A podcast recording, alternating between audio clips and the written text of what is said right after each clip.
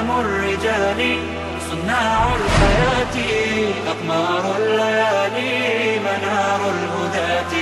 أعلام الرجال صناع الحياة أقمار الليالي منار الهداة. فزالوا سباتي وصاروا بذاتي نشيد الحياة. وصاروا بذاتي نشيد الحياة. تركنا الهوانا وعادت قوانا بعزم الأبات. وعادت قوانا بعزم الأبات. آه يا من تسامى وخلى المنام. جرى العمر يمضي ورا من سراما جرى العمر يمضي ورا إن الحمد لله نحمده ونستعينه ونستغفره ونعوذ بالله من شرور أنفسنا ومن سيئات أعمالنا من يهد الله فلا مضل له ومن يضلل فلا هادي له وأشهد أن لا إله إلا الله وأشهد أن محمدا عبده ورسوله. وقال ربنا في كتابه الكريم بعد أعوذ بالله من الشيطان الرجيم يا أيها الذين آمنوا اتقوا الله حق تقاته ولا تموتن إلا وأنتم مسلمون. Zahvala pripada uzvišenom Allahu subhanahu wa ta'ala koga naš gospodar uputi na pravi put zaista je upućen, a koga ostavi u zabludi neće mu naći nikoga ko će ga na pravi put uputiti. Svjedočim da nema drugog istinskog Boga osim Allaha Đela Đelaluhu i da je Muhammed alaih salatu wasalam Allahu posljednji poslanik poslan sa istinom. Naš uzvišeni plemeniti gospodar kazao u svojoj plemenitoj knjizi o vjernici, bojte se Allah istinskom bogobojaznošću i ne umirite nikako drugačije osim kao muslimani. Zatim, assalamu alaikum wa rahmetullahi barakatuh. Hvala Allahu Đela Đelaluhu koji nas je večeras okupio na ovom bareć mjestu da nastavimo govoriti o njegovim tebareke ve ta'ala lijepim imenima kojima se on subhanahu wa ta'ala opisao u svojoj plemenitoj knjizi. Večeras ako da govorit ćemo u jednom velikom Allahom subhanahu wa ta'ala imenu, veličanstvenom imenu i nakon njega će nam još dva imena o kojima ćemo govoriti inšala naredni put, a koja se spominju u Kur'anu. Nakon toga ćemo prijeći ako da na imena kojima se opisao uzvišeni Allah subhanahu wa ta'ala u sunetu poslanika Muhammeda alaihi salatu wasalam. Večeras ime smo namjerno ostavili za kraj, znači ovih imena koja, koje se spominju u Kur'anu, a ono glasi El Hakim, El Hakim. A naredni put ćemo govoriti o Allahom te barek ve imenu El Hakem i El Hakim. El Hakim jednom riječu, svima vama poznato, možemo kazati mudri. Ili onaj koji je opisan te barek ve savršenstvom Inače smo kazali su sve Allahove te barek osobine savršene osobine. Pa tako i ova osobina koja proizilazi iz Allahovog subhanahu wa ta'ala imena El Hakim, mudrost, kažemo i tvrdimo da Allah Đelešanu posjeduje savršenstvo mudrosti. A to savršenstvo mudrosti se ogleda u njegovim dijelima, sve što je stvorio, znači jednom riječu sve što je stvorio, ili u njegovim riječima, a kaže u njegovim riječima obuhvata njegov Tebare Kvetala veličanstveni Kur'an. Veličanstveni Kur'an kojim je Allah Tebare Kvetala govorio i to je njegov govor. Zatim obuhvata i sunet poslanika alaih salatu wasalam. Jer je poslaniku alaih salatu wasalam dat Kur'an, dat mu je kitab i data mu je mudrost, kako Allah kaže, el hikme, a učenjaci kažu da el hikme u tom kuranskom majetu ima značenje sunet poslanika sallallahu alejhi ve a poslanik alejhi salatu nije govorio po svome hiru, nego je to bio ili bila objava vahije od Allaha te bareke, te bareke ve ta'ala. Navešemo neke plodove koji proizilaze iz ovog veličanstvenog imena El Hakim. Koliko god da pokušamo pobrojati plodove koji se mogu manifestovati u našim životima, koji se crpe iz Allahove subhanahu wa ta'ala savršene mudrosti, nije ćemo uspjeti pobrojati. A koliko smo danas samo potrebni, on je riječ ili hikme, i svi je spominjemo, mudrost, mudrost, mudrost. Nekada prelazimo u tome granicu, a nekad uistinu ne posjedujemo mudrost. A mudrost je odlika vjernika koju mora imati kod sebe. A to je sposobnost hikme, mudrost je sposobnost da određenu stvar spustiš na njeno mjesto. Što znači tvoj postupak u datom trenutku treba da znaš kako ćeš reagovati, kako ćeš djelovati. Da li će taj tvoj postupak uistinu biti u skladu Kur'ana i Suneta ili ne. I to je mudrost. I vidjet ćemo šta su učinjaci kazali inače za riječ mudrost, el hikme. Ju'til hikmete men ješa. Allah dželle dželaluhu daruje mudrost kao poseban dar kome on subhanahu wa ta'ala hoće.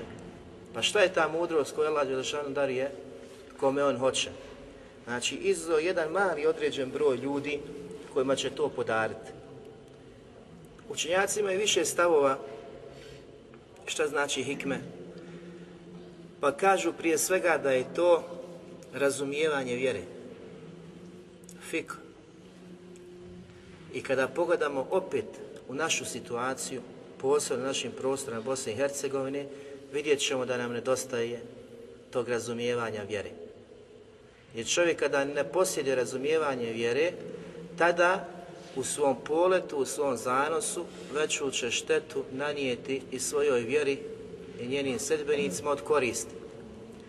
S druge strane, čovjek koji ne posjeduje razumijevanje vjere, radit će sve ono što je suprotno Kur'anu i Sunnetu, govoru Allaha subhanahu wa ta'ala i praksi poslanika Muhammeda alaihi sallatu wasalam. Pa su kazali da je to svatanje Kur'ana i sunneta.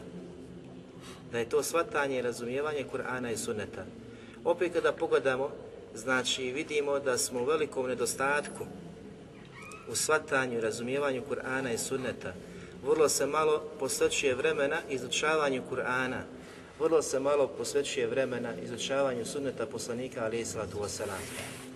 A svi želimo kazati, svi želimo tvrditi da smo uistinu na istini, da smo na pravome putu, a daleko, znači kada bi se analizirali mi sami, a najbolje, znači e, najbolja je osoba ona koja sama sebe analizira, pa uvidi gdje griješi, gdje ne griješi. Ne čeka znači da mu neko drugi kaže. Sam uvidi svoje greške. U istinu znači smo daleko od toga, osim malog broja prema kojima Allah Đelešanu posebno svoju milost ukazao. Tako da vidimo da i to značenje ispravno. Dobar dio većina učenjaka smatra da u Kur'anu kada se spominje hikme u većini ili na većini mjesta da se misli na vjerovjesništvo koje Allah Đelešanu daje kome on hoće i to je njegovo apsolutno pravo. Inače Đelešanu sve što daje on to posjeduje, on je istinski posjednik, on je apsolutni vlasnik svega toga i ima pravo da određuje kome će dati, kome neće. I sve to opet proizilazi iz njegove apsolutne mudrosti, savršenstva te osobine koje on subhanahu wa ta'ala posjeduje. Tako da niko od nas nema pravo da kaže zašto ova ima, zašto ja nemam. Allah Đelešanuhu, kako kažu učenjaci, daje obskrbu i onome koga voli i onome koga ne voli. Svima daje. Ali nešto ima što Allah ne daje osim onima koji on te barek ta'ala voli, a to je iman. To je vjerovanje u Allah subhanahu wa ta'ala. To ne može svak imati i ne može svak dobiti. I to je istinski pravi dar od Allaha te barek ta'ala koji mi, alhamdulillah, posjedujemo. Mi koji smo upućeni, koji smo na pravom putu, to je dar od Allaha subhanahu wa ta'ala iz njegove neizmjerne milosti i njegove apsolutne mudrosti jer je daruje ili daruje ta ima kome on subhanahu wa ta'ala hoće. A on zna i naše početke i naše završetke. Zna naš konačni, konačni kraj. Zna gdje ćemo završiti. Zna stanovnike dženneta i stanovnike vatri.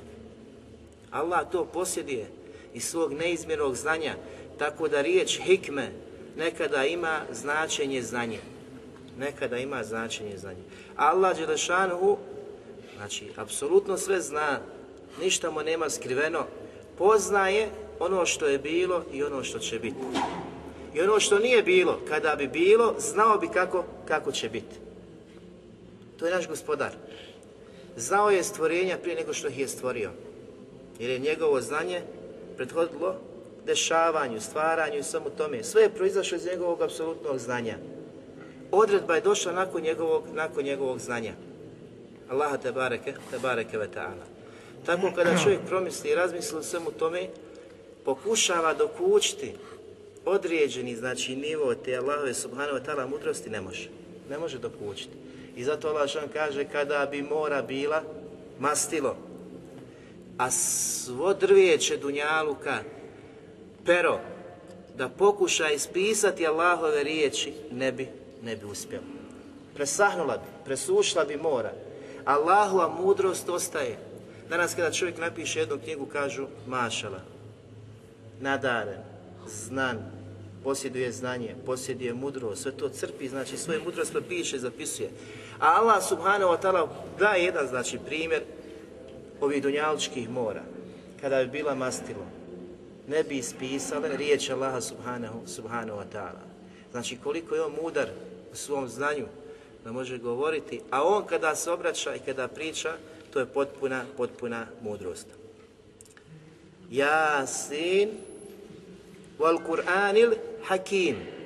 Allah Đelešanu kaže, od od, na početku sure Jasin, Jasin wal Kur'anil hakim. Tako mi Kur'ana mudrog. Znači cijeli Kur'an, cjelokupan Kur'an, sve što sadrži u sebi je potpuna mudrost, potpuna mudrost koja je znači izrečena od strane El Hakim. El Hakim, Allaha te bareke ve ta'ala, koji znači posjeduje savršenstvo, savršenstvo mudrosti. Ovo Allahu te bareke ve ta'ala ime spominje se na mnogo mjesta u Kur'anu. El Hakim, što opet ukazuje na posebnu vrijednost tog imena. Spominje se na 94 mjesta u Kur'anu. I jako je bitno da čovjek uoči kako Allah Đelešanuhu ili koje ime spominje prije nego što navede ime El Hakim. Ili ako u određenim ajitima dođe prvo ime El Hakim, kako završava, završava ili kojim imenom nakon toga završava to ime. Pa kaže Allah Đelešanu u suri Al-Bekare Wallahu azizun hakim. U istinu je Allah subhanahu wa ta'ala moćni, snažni i mudri. Moćni, snažni i mudri. Pogledajte. Učenjaci kada govore, ele, znači ovdje kako je došlo, azizun hakim, da je on moćan i snažan, a u isto vrijeme i mudar. Allah je uistinu snažan i moćan uzvrati na svaku nepravdu, na svaku, svaki vid vrijeđanja, svaku stramputicu i sve one koji znači odudaraju od puta Allaha subhanahu wa ta'ala. Znači svim onim silnicima, oholnicima, on je moćan uzvratiti. Ali, šta ga sprečava o tome? Hakim, njegova mudrost, jer im daje rok, pušta ih i svoje mudrosti. Razumijete? Što znači da čovjek nikad ne smije sebi u svom srcu e, stvoriti to uvjerenje ili ubjeđenje kako Allah Đelešanu sve moguć. Znači koji je sve moguć. El Qadir, Qadir, da učini šta hoće, dozvoljava i dopušta neprijateljima vjere, nevjernicima da to čini što čini na Dunjaluku. Fesad. I nered čini. Zašto im to dozvoljava? Jednostavno, znači kada čovjek vidi i uvidi kako Allah Đelešanu završa određene ajete, povezuje sa određenim imenima, da je to se vraća, da je on subhanahu wa ta'ala mudri, a u isto vrijeme sveznajući, el alim, i mudar, i moćan, i snažan, i jak, da ga ta mudrost sprečava, što znači da on svoje mudrosti im pušta. Ali će doći dan kad će svi odgovarati sigurno. Ili će ih zadesiti opet iz njegove mudrosti na Dunjalu kao što je zadesilo prijašnje narode, da su stradali ovi na ovaj ili onaj način, stradali su i otišli su. Neki nisu stradali, preselili su prirodnom smrću. I to se sve dešava iz njegove mudrosti. A on kada bi htio, mogao bi znači učiniti šta hoće u jednom djeliću sekunde, pa čak i prije i prije toga. Zatim Allah Đelešanu u suri Nisa u 26. majetu kaže Wallahu alimun hakim. U istinu Allah Đelešanu je sveznajući i mudri. Sveznajući. Zna stanja svih. I naše stanje koji kažemo da smo dobri, nadamo se da smo dobri, da smo na istini i molimo Allah da nas učvrsti. I zna stanje oni koji su na stramputici. I oni šta rade i mi šta radimo i inače svi šta rade. Bilo se radi znači o nama ljudima, živim bićima ili znači prirodu ostalim stvarima. Allah Đelšanu samo tome posjeduje znanje. Ali on te bare kvetala hakim. Hakim u svom stvaranju, mudar u svom stvaranju, sveznajući, sveznajući u isto vrijeme mudar, zna kako će stvoriti precizno, tačno, kako njemu te bare kvetala dolikuje. Vidjet ćemo iz plodova koji proizilaze iz ovih imena, vidjet ćemo da nema nesklada, da nema greške u njegovom stvaranju, da je to savršenstvo koje ukazuje na savršenog gospodara Allaha Tebare Kvetala.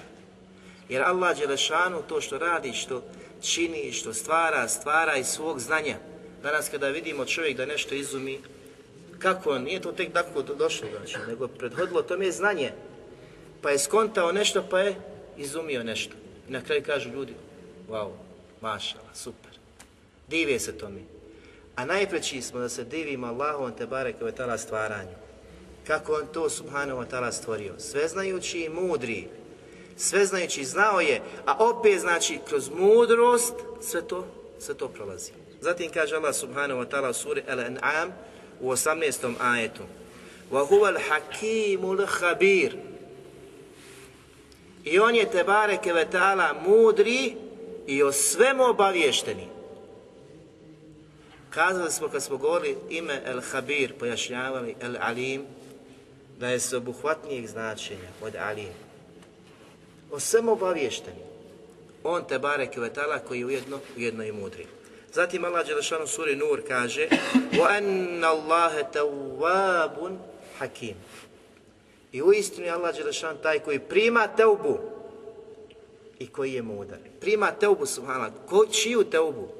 svih robova, ko se god pokaje, kogod pokuca na vrata lađe Đelaluhu, on će naći ta vrata otvorena. Samo treba čuje se pokaje.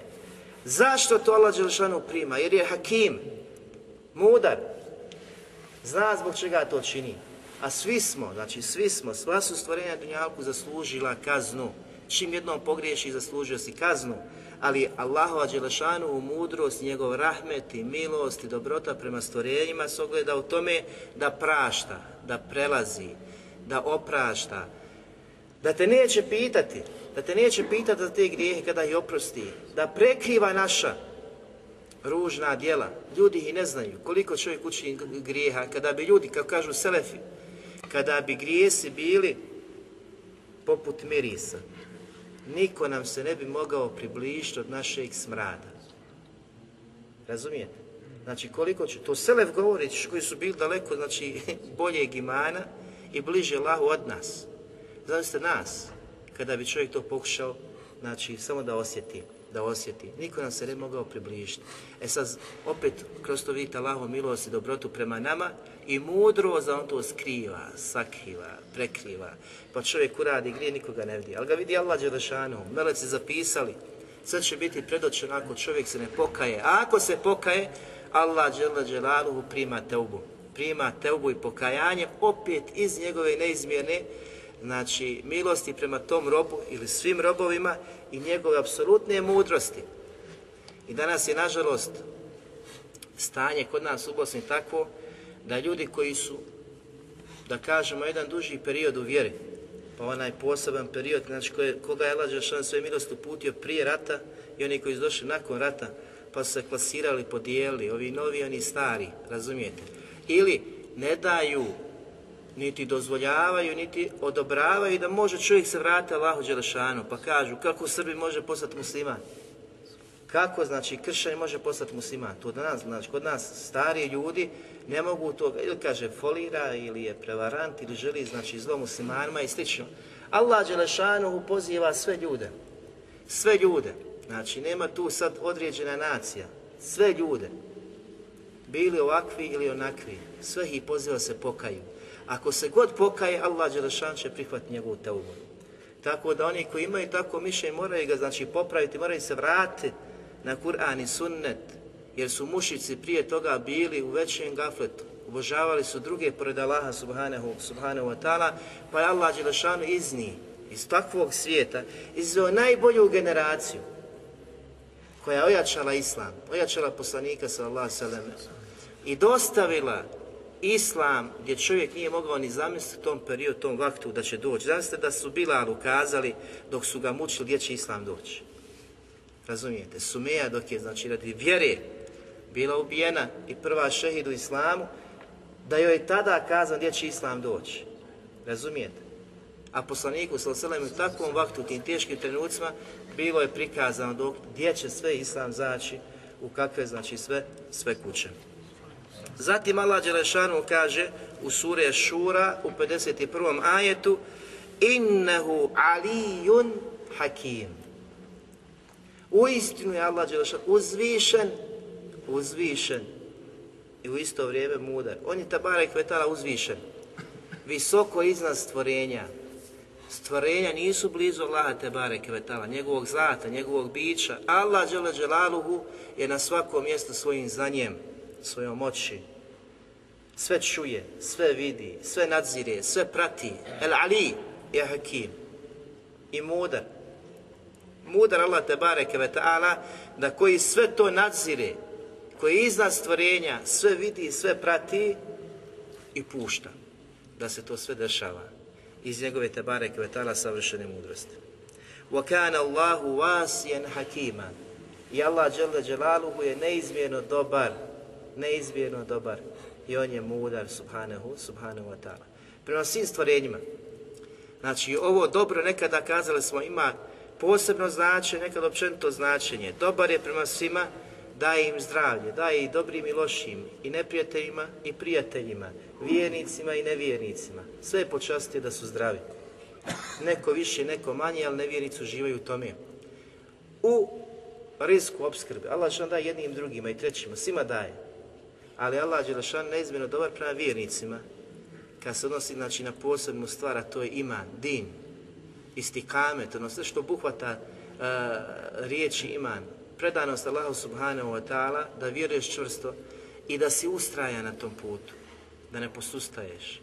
Ma šta se desilo, ma kako iskušenje da najđe, ti si čvrst i ustrajan, ali ti prolaziš kroz taj život, kroz te etape, a i sa ovim hikmetom, sa, znači ovom mudrošću, koja odlikuje vjernika, koje, koja posebno čini vjernika dobrog od onog, od onog koji je loš. Neka možeš misliti da si dobar, da si jak, da si snažan u svojoj vjeri, ali tvoji postupci ahi ukazuju i pokazuju da si daleko, da si daleko od onog puta na kojem bio poslanik sallallahu alejhi ve sellem.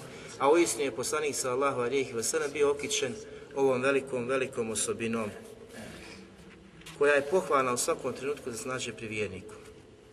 Ibn Kesir Rahmetullah Ali i neću večeras mnogo spominjati govore učenjaka šta e, po pitanju Allahovog imena El Hakim, kako ima značenje kada se odnosi na Allaha subhanahu wa ta'ala. Dovoljna definicija od Ibn Kesira rahme, Rahimahullah. Kaže El Hakim, on je taj ili koji je mudar u svojim naredbama. Sve Allahove naredbe koje je izrekao koje se nalaze u Kur'anu i u sunnetu su savršenstvo mudrosti. Kada pogledate u naredbe, znači namaza, šta se proizilazi iz tog namaza? Od dobrobiti za vjernika. Vraća se na Allaho te barek vetala savršenstvo. Na post, na hađ, na džihad, na dobročinstvo prema roditeljima, poslušnost prema roditeljima. Sve to znači proizilazi iz Allaho te barek vetala apsolutne, apsolutne mudrosti. Zatim kaže, u šarijaskim općenito svim propisima. I zato naredni put, ako bo, da ćemo govoriti o Allahom te barek vetala imenu el hakem, kojem jedino pripada sud, koji je vrhovni sudija, njemu to apsolutno pravo pripada. A ovo ime El Hakim je povezano sa tim imenima. Sa tim imenima. To su širijaski propis, to je savršenstvo, savršenstvo koje je dato od Allaha te bareke vetala. Jer zakon koji je Allah subhanahu wa ta'ala spustio ljudima na dunjalku svoje neizmjerne milosti, da znaju kako će se obhoditi. I da je to jedini način koji vodi ka Allahom te bareke wa ta'ala zadovoljstvo.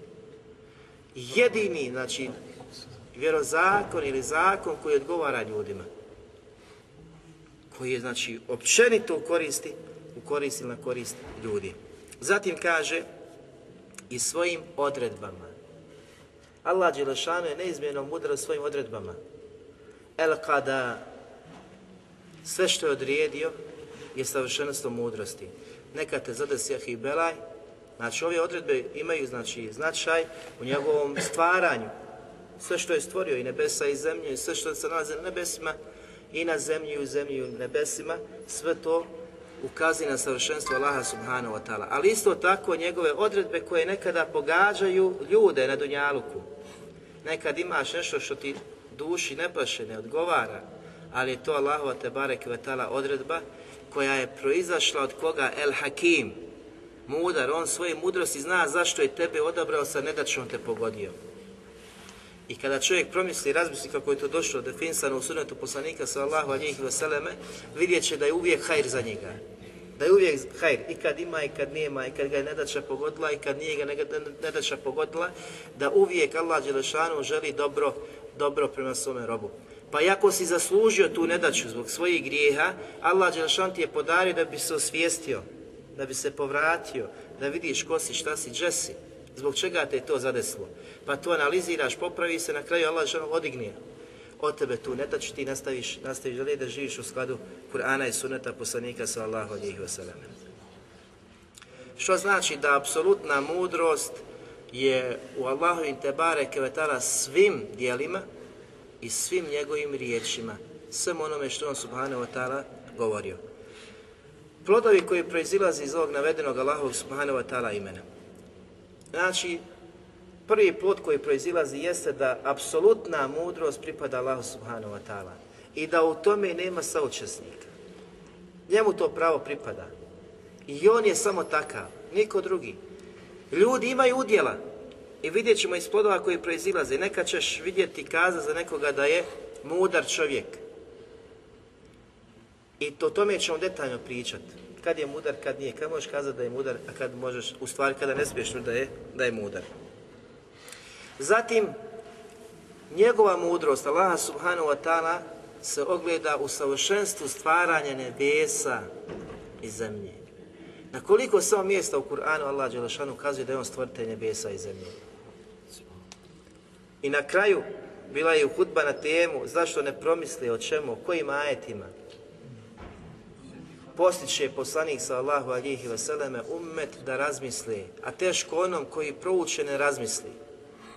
Opet pogledajte naša se, naša se poziva, u šta se poziva da se o čemu da se promišlja o stvaranju nebesa, stvaranju nebesa i zemlje. Znači to nisu mali ajeti, to su veliki Allahovi te bareke znakovi za one koji razum imaju, koji su pametni, koji su učeni, koji znaju i koji hoće da dokuće, da dokuće suštinu toga, odnosno mudrost, veličinu svega toga što Allah Žešanu ukazuje.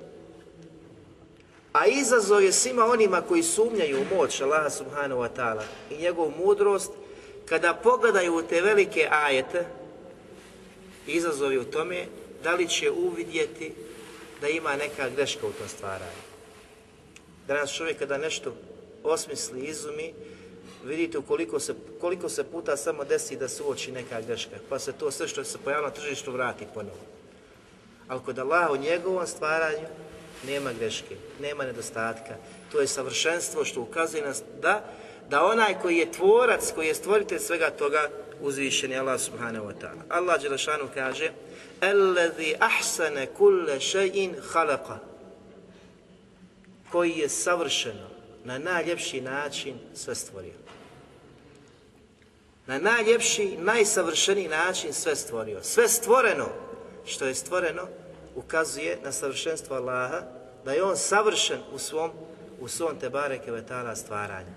I niko u tome, znači, ne može parirati, nik, nema saučesnika, ne može neko nešto sad izumiti pa se pozvati pogledaj.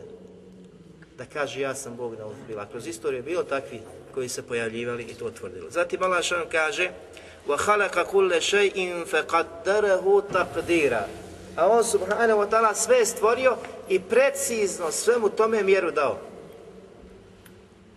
i precizno svemu tome mjeru dao. Allah Đelešanuhu je htio da stvori određenu stvar s mjerom i dao je oblik kakav on hoće te bareke vetala. Znači kakav on hoće te bareke vetala, oblik je dao svakoj stvari. A pogledajte koliko samo stvorenja ili stvorenog ima što je Allah subhanahu wa ta'ala stvorio. Što ponovo ukazuje na savršenstvo i mudrost uzvišenog Allaha subhanahu wa ta'ala. Čovjek kada razmisli i kada razmišlja na ovakav način o Allahu subhanahu wa ta'ala, mora se desiti u srcu umina i vjernika da osjeti da mu iman raste. To ne sve biti znači nešto što na jedno uho uđe, na drugo izađe. Mora da promišlja, mora da razmišlja.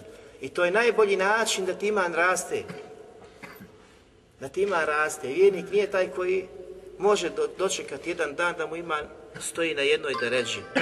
Kod vjernika iman ili raste ili opada. Ili raste ili opada. Mi smo u fazi ili znači uspinjanja, uzdizanja, duhovnog, ili, ili stagniranja našoj vjeri. Danas ako si dobar, ako više radiš, više se tružiš, učiš, izučavaš, radiš dobra djela, i znaj da ti ima danas mašala. Sutra novi dan dođe, nemaš pola djela te što si jučer, što si jučer uradio, znaj da ti ima nije na to istoj da reći. Ima čovjeka čini poletnim u svakom dobročinstvu. Zatim Allah šan kaže Alladhi khalaqa sab'a samawati tibaqa. Allah Đelešanuhu ukazuje da je on stvorio sedam nebesa, sedam nebesa, sedam spratova. Zbog čega? Ukazuje i daje izazov svima onima koji sumnjaju u savršenstvo Allaha subhanahu wa ta'ala. Ma tara fi khalqi. Pogledajte kako je došlo. Ne vidite, znači, u stvaranju ne Allahovom, nego Allah šan ovdje ime posebno, posebno, znači, stavlja ili opisuje se posebnim imenom. Ma tara fi khalqi rahmani min tefavut. A ti nećeš vidjeti u stvaranju milostivog bilo kakve vrste nedostatka.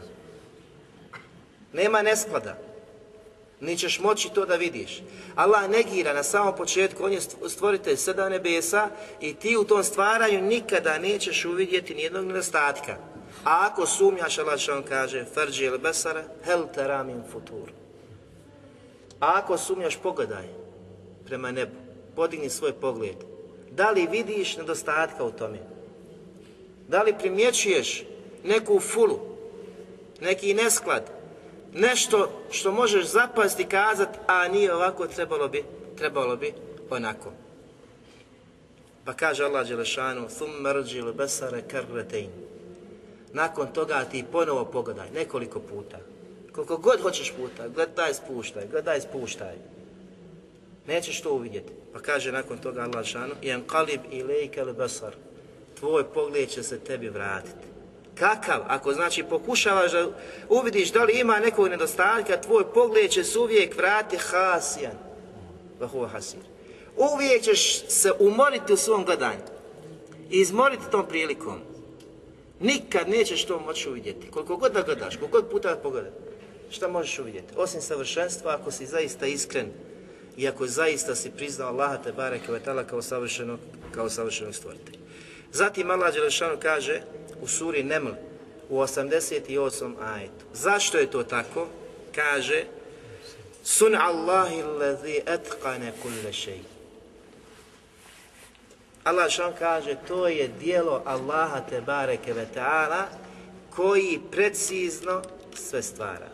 Sun Allah. Ne može to biti od nekog drugog osim dijelo Allaha te bareke ve ta'ala stvara i nebesa i zemlje. I zato nećeš moći vidjeti nedostatak, nedostatak u tome. Jer Subhanahu wa ta'ala je stvorio prije svega i svog znanja, što je on moćan to učiniti i svoje savršene mudrosti.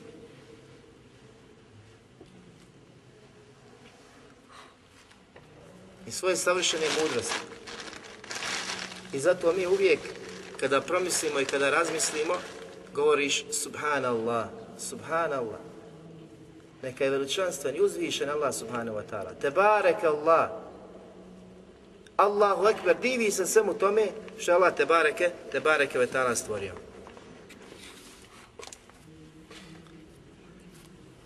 Zatim savršenstvo Allahove Tebare Kvetala mudrosti se ogleda u njegovom vjerozakonu. O tome ćemo detaljno govoriti naredni put. Šarijat koji odgovara za sva vremena, za sve prostore, nema izuzetka da kaže danas, danas ne odgovara. Jučer je bilo bolje, jučer je bilo takvo vrijeme, tada odgovara ne. Allah Đelešanu, od znači, El Hakim, mudri, Kur'an koji je, Allah Đelešanu kako se zakine, tako mi Kur'ana mudrog, ajeti koji su također, znači, mudri, koji dolaze do Allaha te bareke vetala su savršenstvo i oni odgovaraju za svako vrijeme i svaki prostor. Što opet ukazuje na savršenstvo Allaha te bareke vetala. Danas ljudi izmišljaju zakon. Danas, znači relativno, danas odgovara, sutra ne odgovara. Ili u jednom danu koliko samo puta znači izglasavaju, hoćemo, nećemo. Onaj kaže ima, super je, u tome vidimo nešto, kaže ne, ne vidimo, kaže to je tako i to. Znači ne može to tako biti. Kod Allaha nema. Ovi ajeti, šarijat i zakon i odredbe koje su došle od Allaha subhanahu wa ta'ala došle su od naših stvoritelja koji najbolje zna šta nama odgovara. Najbolje zna šta nama odgovara. I to je podario, to je spustio. Da po tome sude, da se na to pozivaju i da to sprovode, da to sprovode u svojim, svojim životima. Zatim, od mudrosti Allaha te bareke ve da čovječanstvo nije stvorio bez cilja. Stvaranje čovjeka, danas koliko se samo znači polemika vodi zašto smo, što smo, kako smo došli, zbog čega smo tu. Allah Đelešanu nije nas stvorio bez cilja, bez jasnog znači razloga. Jednostavno sva stvorenja je stvorio i džine i ljude kako je kazao zbog jasnog cilja, a to je obožavanje, robovanje Allahu te bareke ve. Nije nas ostavio da lutamo i nije želio niti htio iz svoje savršene mudrosti da budemo poput životinja. Životinje samo mogu znači raditi šta hoće i ubijati jedni druge, znajući da nema odgovornosti nakon toga. Čovjek ne može se tako ponašati. Čovjek mora znati da sve što čini i sve što radi mora na kraju toga doći odgovornost. Da li ona došla na Dunjaluku ili ne, to je sada zbog situacije u kojoj živimo. Ali će sigurno odgovornost doći na ahiretu Kada će stati i odgovarati za ono što si činio, što si činio Dunjaluku. Allah Đelešanu kaže Efe hasibtum ennema halaknakum abesa. abesa. Zar, se, zar mislite da smo vas mi uzalud, uzalud stvorili? Ili da ste vi uzaludno stvoreni, bez cilja i da se nama nećete vratiti. Allah što kaže ovdje, nakon znači ovog وَأَنَّكُمْ إِلَيْنَا لَا تُرْجَعُونَ i da se nećete nakon vašeg boravka na Dunjaluku, nakon stvaranja, nama vratiti. Jer bi se nevjernici, oholnici, silnici, munafici, svi obradovali kada bi znali da je ovaj život samo takav. Radi šta hoćeš, doće smrt, ali nema povratka, nema proživljenja, nema vraćanja Allahu te barek, nema obračuna, nema odgovornosti. I oni bi se obradovali. Ali Allah Đelešanu kaže, dobro, nemojte da pomislite da ste uzaludni, ali vi koji to radite, znajte ponovo da ćete nam se vratiti i da ćete odgovarati za to što činite. Allah Đelešanu znači uvijek koristi, koristi metodu da postakne ljude na razmišljanje, da se vrate, da se da pameti dođu, ali isto tako znači koristi metodu zastrašivanja. Zastrašivanja. I to ćemo vidjeti da je bilo i u praksi poslanika sallallahu alejhi ve selleme, što mora biti u praksi oni koji prezentiraju vjeru, koji pričaju o vjeri. Ne može tek biti samo da se priča dženet i dženevske ljepote, nego mora se koristiti, znači i ti dženevski užici kojim Allah Đelešanu poziva Wallahu jed'u ila dari salam Allah poziva u kuću mira, kuću uživanja, spasa i svega onoga najljepšeg, ali isto tako Allah Đelešanu ukazuje i upozorava sve one koji glavu okrenu od pravoga puta na kuću koja je strašna, a to je vatra, kao kazna Allah te bareke, te bareke vetana. Allah Đelešanu kaže e insan da li čovjek pomišlja i da li misli čovjek? O čemu promišlja, o čemu misli? Kaže Allah šan en jutrek, da će biti ostavljen.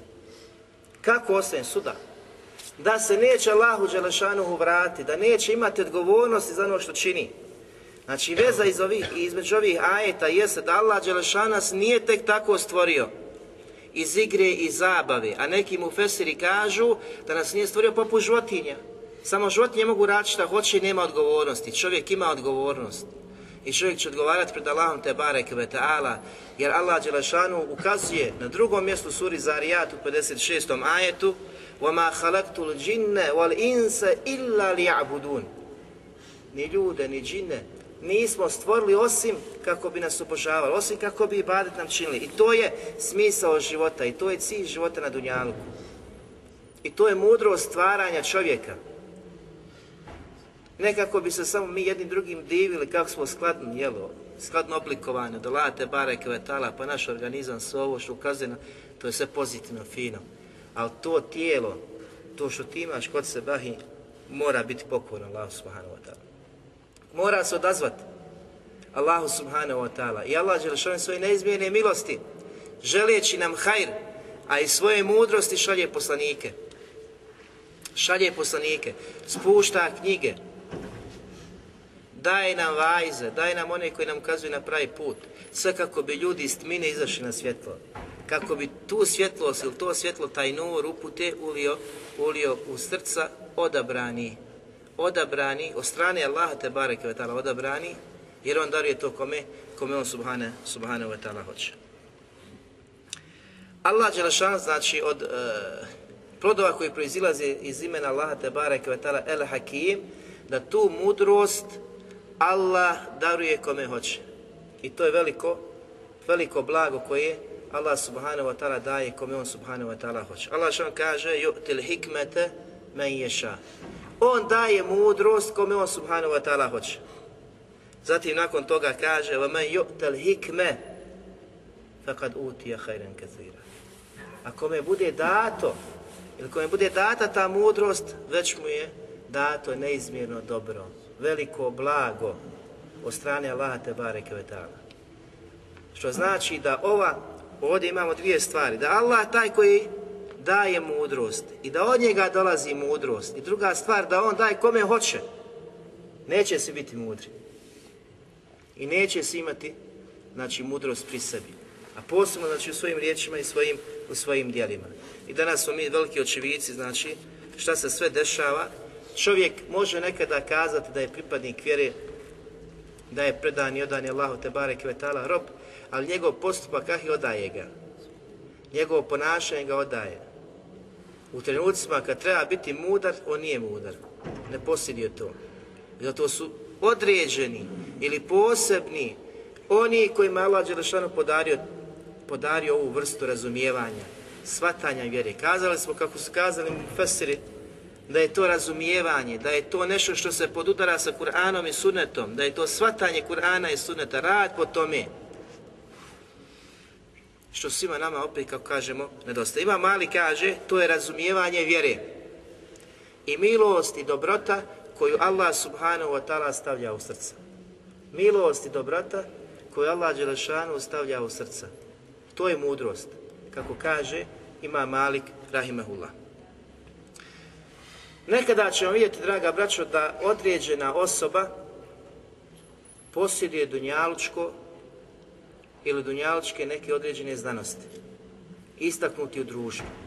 Drugi ga smatraju da je mudar, da je mudrac, da posjeduje, da posjeduje, daje, daje, daje. Međutim, u isto vrijeme on nema po svim ovim, kako smo na, na početku pojasnili, da je mudrost, razumijevanje vjere, ne posjeduje razumijevanje vjere. Odnosno, on nema ni dina ko sebe nema ni dina kose. Pa da li čovjek može kazati za takvu osobu da je mudar, da je mudar?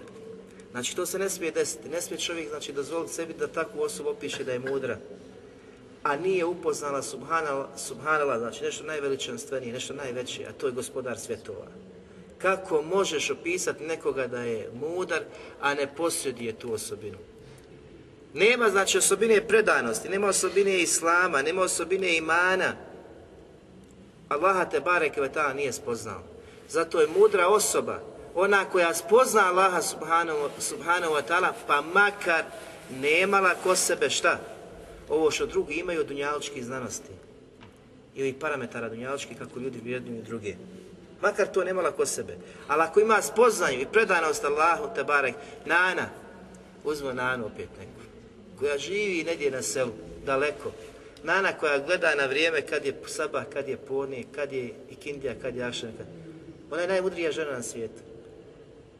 Ne zna Nana ni potpisati se. Ni potpisati se. Imate vamo, znači, političare koji dan i noć vaze ljudima, pozivaju ljude, tumače, pričaju, ovako, onako. Nema gahi nikad da pomisli na sabah ni na podne, na pomisli na Allaha te barek da kaže Alhamdulillah, da zahvali Allahu te barek na blagodatima koje uživa.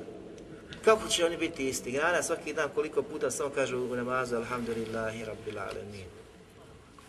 I taj namaz, taj nur koji je Allah ulio u srce te nane, sutra će da prednjači i ulaskom u džennet i prelaskom sirač, šuprije i svega.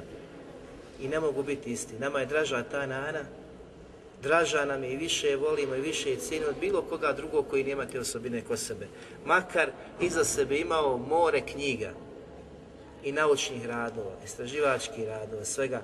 Nama je ta nana draža i, i deda, bilo ko, bilo ko znači od umeta poslanika sallallahu, sallallahu alihi wasallam. Ovaj ajet yu'til hikmeta me ješa. Ovo je ajet kroz koji e, možemo da razotkrijemo zablude ljudi, prije svega značajni ekstremni sufija. Jer oni uzmaju ovaj ajet kao dokaz da Allah Đelešanu daruje znanje kome hoće. Znate ono, večera si takav, sutra si ovakav. Znači jednom djeliću sekunde dobiješ ogromno znanje gdje, ti, gdje uopšte ne zahtjeva da učiš, da izučavaš, da tragaš, da sjediš, da slušaš i ostalo nego na jednom dobiješ nadahnuće od strane Allah te bareke Jer ga on tako definišu. Allah daje kome hoće, kad hoće, koje god hoće vrijeme. Pa kad džumleten, znači tako bukvalno, znači dođe i Kur'an i sunnet i sve znanosti od jedan put tebi. Od strane Allaha Đelešana. Kome određenim evlijama, ne svakome, znači to su određene evlije kojima, kojima to dolazi. Prenose, znači u svojim dijelima, da je njihovom šehu koji se zvao Ebul Vefa el Bagdadi bilo rečeno jedne prilike dok je boravio u Bagdadu šeh, da li se možeš nama obratiti? Tražili su ljudi se obrati. A on je bio nepismen čovjek. Nepismen. E ne samo što je bio nepismen, nego je bio stranac. Nije govorio njihovim narodnim znači, jezikom. Kako će se obraćati? Pogledajte što on radi. Znači oni ukazuju kako su to veliki kerameti i kako Allah on daje tu moć nadahnuća kome on subhanahu wa ta'ala hoće.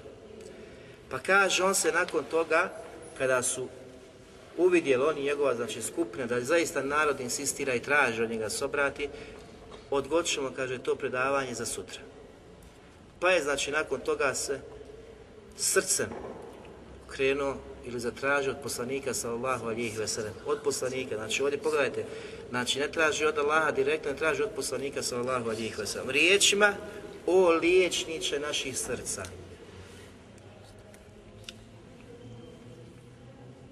O najčasniji poslanić. Traži od poslanika sallallahu Kaže, oni traže od mene da ja održim njima predavanje, a ja sam nepismen. Još usto ne znam njihov govor. Pa kaže, nakon toga je čuo riječ, govor, kako mu se neko obraća. Allah će se ukazati kroz tebe, je teđela, Allah će se ukazati kroz tebe, imenom El Alim El Hakim. Znači, slobodno, Allah Đelešanu će govoriti kroz tebe, Allah će ući u tebe, Allah će biti dio tebe. I to će se manifestovati znači kroz ime El Alim sveznajući, El Hakim mudri. Kaže, sutradanj se popeo, kaže na mimber, i ka futihala. Pa mu se otvorilo da je kad tako nadahnuto govorio, se svi zadivili. Govorio, govorio, govorio i na kraju kaže, omrknuo sam, kaže, ko kurd, a osvanuo sam ko arapin. Pa ovi sa njihovi šehovi, znači koji se dive svemu tome, kažu tijelo, znači tijelom je bio kurd, a dušom Arapin. Nakon ovog, znači ovakvog detalja iz njihovog života možeš uvidjeti zablude današnjih ekstremnih sufija koji vjeruju određene ljude, dede i slično, koji ne znaju ni pisati arapski, ne znaju ni čitati harfove, a kažu da govore po nuru Allahovom, sve što kažu podudara se sa Kur'anom i sunetom poslanika alaih sallatu. Zbog čega? Zbog ovakvog uvjerenja. Da njima, znači Allah Đelešanuhu dolazi, da se pretvara, da dobije oblik njihov i da onda kroz njih djeluje imenom El Alim El Hakim. Razumijete? To su velike zabude, to je prije svega znači, ne, uh, ubjeđenje koje je kufr, nevjerstvo. Zatim vjerovati i tražiti od poslanika, ali ne direktno od Allaha Đelšanu širk, sve znači gore od gore i teže od teži. Ali je najgora stvar da imaš onda umetu poslanika neznalice, ljude koji ne znaju i nemaju vjere, pa ka, zadive se, a kako je to znači, moguće. Pa počnu da vjeruju i da slijede takve. To još gore. Još gore znači oni, a sve znači rezultat što čovjek ne uči, ne izučava i ne traga za istinskom ispravnom akidom na kojoj je bio poslanik Ali Slatu Wasalam i njegovi, i njegovi sedbenici. Poslanik sallahu alijih, njemu je dolazio vahij od Allaha te bareke, te bareke vetala i nikom više. Nema znači toga. Šarijat je se upotpunio u vremenu poslanika Ali Slatu Wasalam. Niti ima dodavanja, niti ima oduzimanja od šarijata poslanika sallallahu alijih wasallam. U hadisu je došlo, znači, poslanika alaih sallatu wasalam, da je ovo velika blagodat koju Allah Đelešanu daruje, daruje kome hoće. Ali u isto vrijeme je jedina stvar ili jedna od dvije stvari prema kojima čovjek može osjetiti zavist. Možeš zavidjeti na tome. Možeš zavidjeti znači, na onome, na onoj osobi koja ima, koja ima hikmet, koja ima mudrost kod sebe. Poslanik alaih sallatu wasalam kaže nema zavidnosti osim znači u dvije situacije, osim u dva slučaja. A to je da zavidiš onom čovjeku kojem je Allah Đelešanu podario malo, bogatstvo, pa ga on troši kako je podržao istinu, hak, kako je podržao davu, kako bi se vjera širila, kako bi dobročinstvo činio drugima, sve onako kako Allah traži od njega. Takvoj osobi Allah to dao, pa ti znači imaš pravo da mu zavidiš, ali onim dozvoljenim hasedom, ne onim koji je zabranjen, kao kaže poslanik sallallahu alejhi ve selleme, da zavist jede dobra djela robova kao što vatra guta drvijeć kao sagoriva, znači drvijeć, tako zavist uništava i poništava tvoja dobra djela koja činiš. To je zabranjeno, ne smiješ, ali to je na zavist da poželiš da kod čovjeka koji ima blagodat, nestane. Što je njemu da Bog da očišlo, da Bog da nema, da Bog, razumijete, to ne smije čovjek sebi dozvoliti. Ovaj je dozvoljeno da, da u istom trenutku poželiš, ja rabbi, da je meni ili da je posjedijem imeta kao što ga on posjeduje, isto bi činio poput njega. To je znači, tako poželiš, da je meni dato kao što je njemu dato, ja bi isto to činio. I tu ti je dozvoljeno. I druga vrsta, da imaš ili zavdiš prema onoj osobi, čovjeku kojem je Allah Đelešanu podario mudrost. Pa on po toj mudrosti radi, čini, postupa i druge njoj podučava. To je mudrost. Znači da vidiš da je zaista uistinu čovjek mudar, posjeduje znanje, radi po tome, druge podučava, da kažeš Bože dragi da je meni poput njega.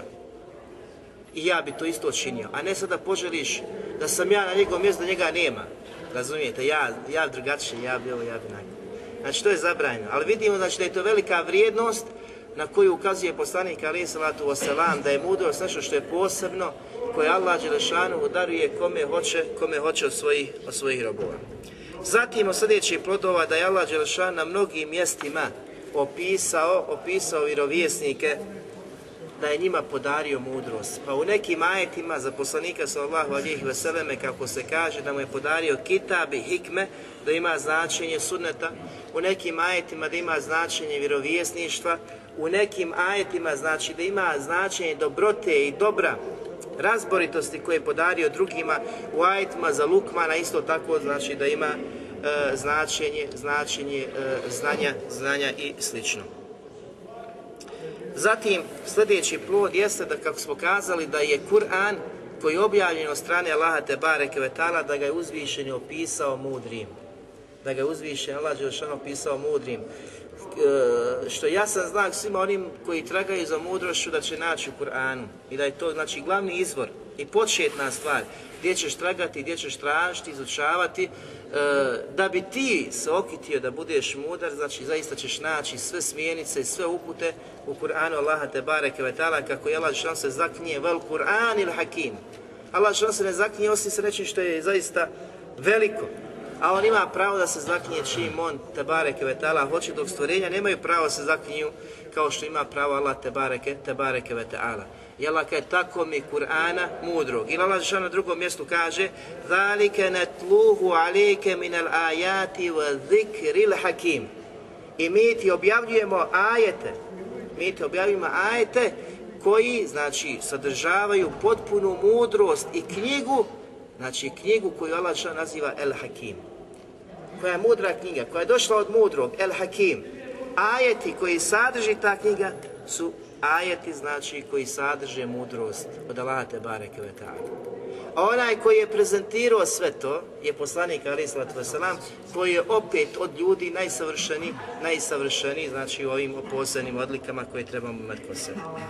Zatim sljedeći plod da vjernik ma šta činio, ma kakav bio, uvijek mora tragati, tragati za, za biserima mudrosti. Gdje god da nađeš mudrost, trebaš da je uzmeš i da je prihvatiš, da radiš, da pozivaš, da zapišeš.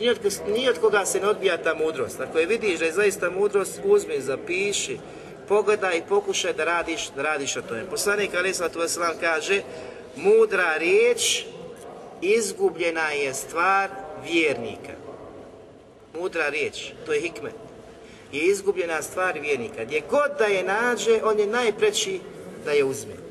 Znači gdje god da naiđeš, naletiš na neku mudrost, ti najpreći da je uzmeš kao vjernik, da se okitiš, da upoznaš, da radiš, da radiš po tome. I na kraju ćemo još kazati da na savršenstvo Allaha te bareke njegovo savršenstvo na savršenu mudrost ukazuje da je on podario toliko danas jezika što vidimo. Znači, to su ajete Allaha te koje je učinio i svoje neizmjene, znači neizmjene, zaista neizmjene mudrosti. Ovaj priča ovako, njihova boja kože je takva, sve to ukazuje na savršenstvo Allaha subhanahu wa ta'ala. I gdje god da se ko nađe, bilo kakve boje kože, bilo kakvog jezika koji izgovori šehadet, naš brat, uvjeri. Voliš ga kao što voliš i onoga brata koji priča tvojim, znači, narodnim, narodnim jezikom. Allah šan kaže va min ajatihi halku samavati wal ard. Od njegovih velikih znakova je stvaranje nebesa i zemlje. Vahtilafu el sinatikum. Veluvanikum. I, znači, mnoštvo i razlike u vašem u vašim jezicima i vašim bojama bojama kože.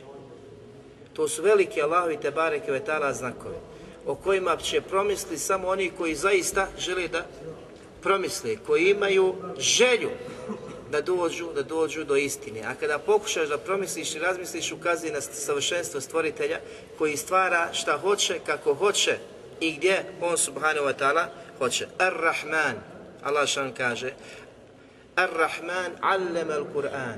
Milostivi koji podučava Kur'anu, koji vam ukazuje na Kur'an, na vrijednost i značaj Kur'ana, pa zatim kaže halakal insan i onaj koji je stvorio čovjeka u drugim majeta, u najljepšem, u najljepšem obliku. Zatim treću stvar, odnosno četvrtu, allemehul bejan. I on je njega, čovjeka, podučio bejanu. Podučio je čovjeka kako će se obhoditi, kako će pričati, kako će druge, znači uvjeravati u ono što ima u svojim prsima, kako će iznijeti ono što misli. A na osnovu svega toga opet taj bejan je plod da shvatiš i da razumiješ istinu.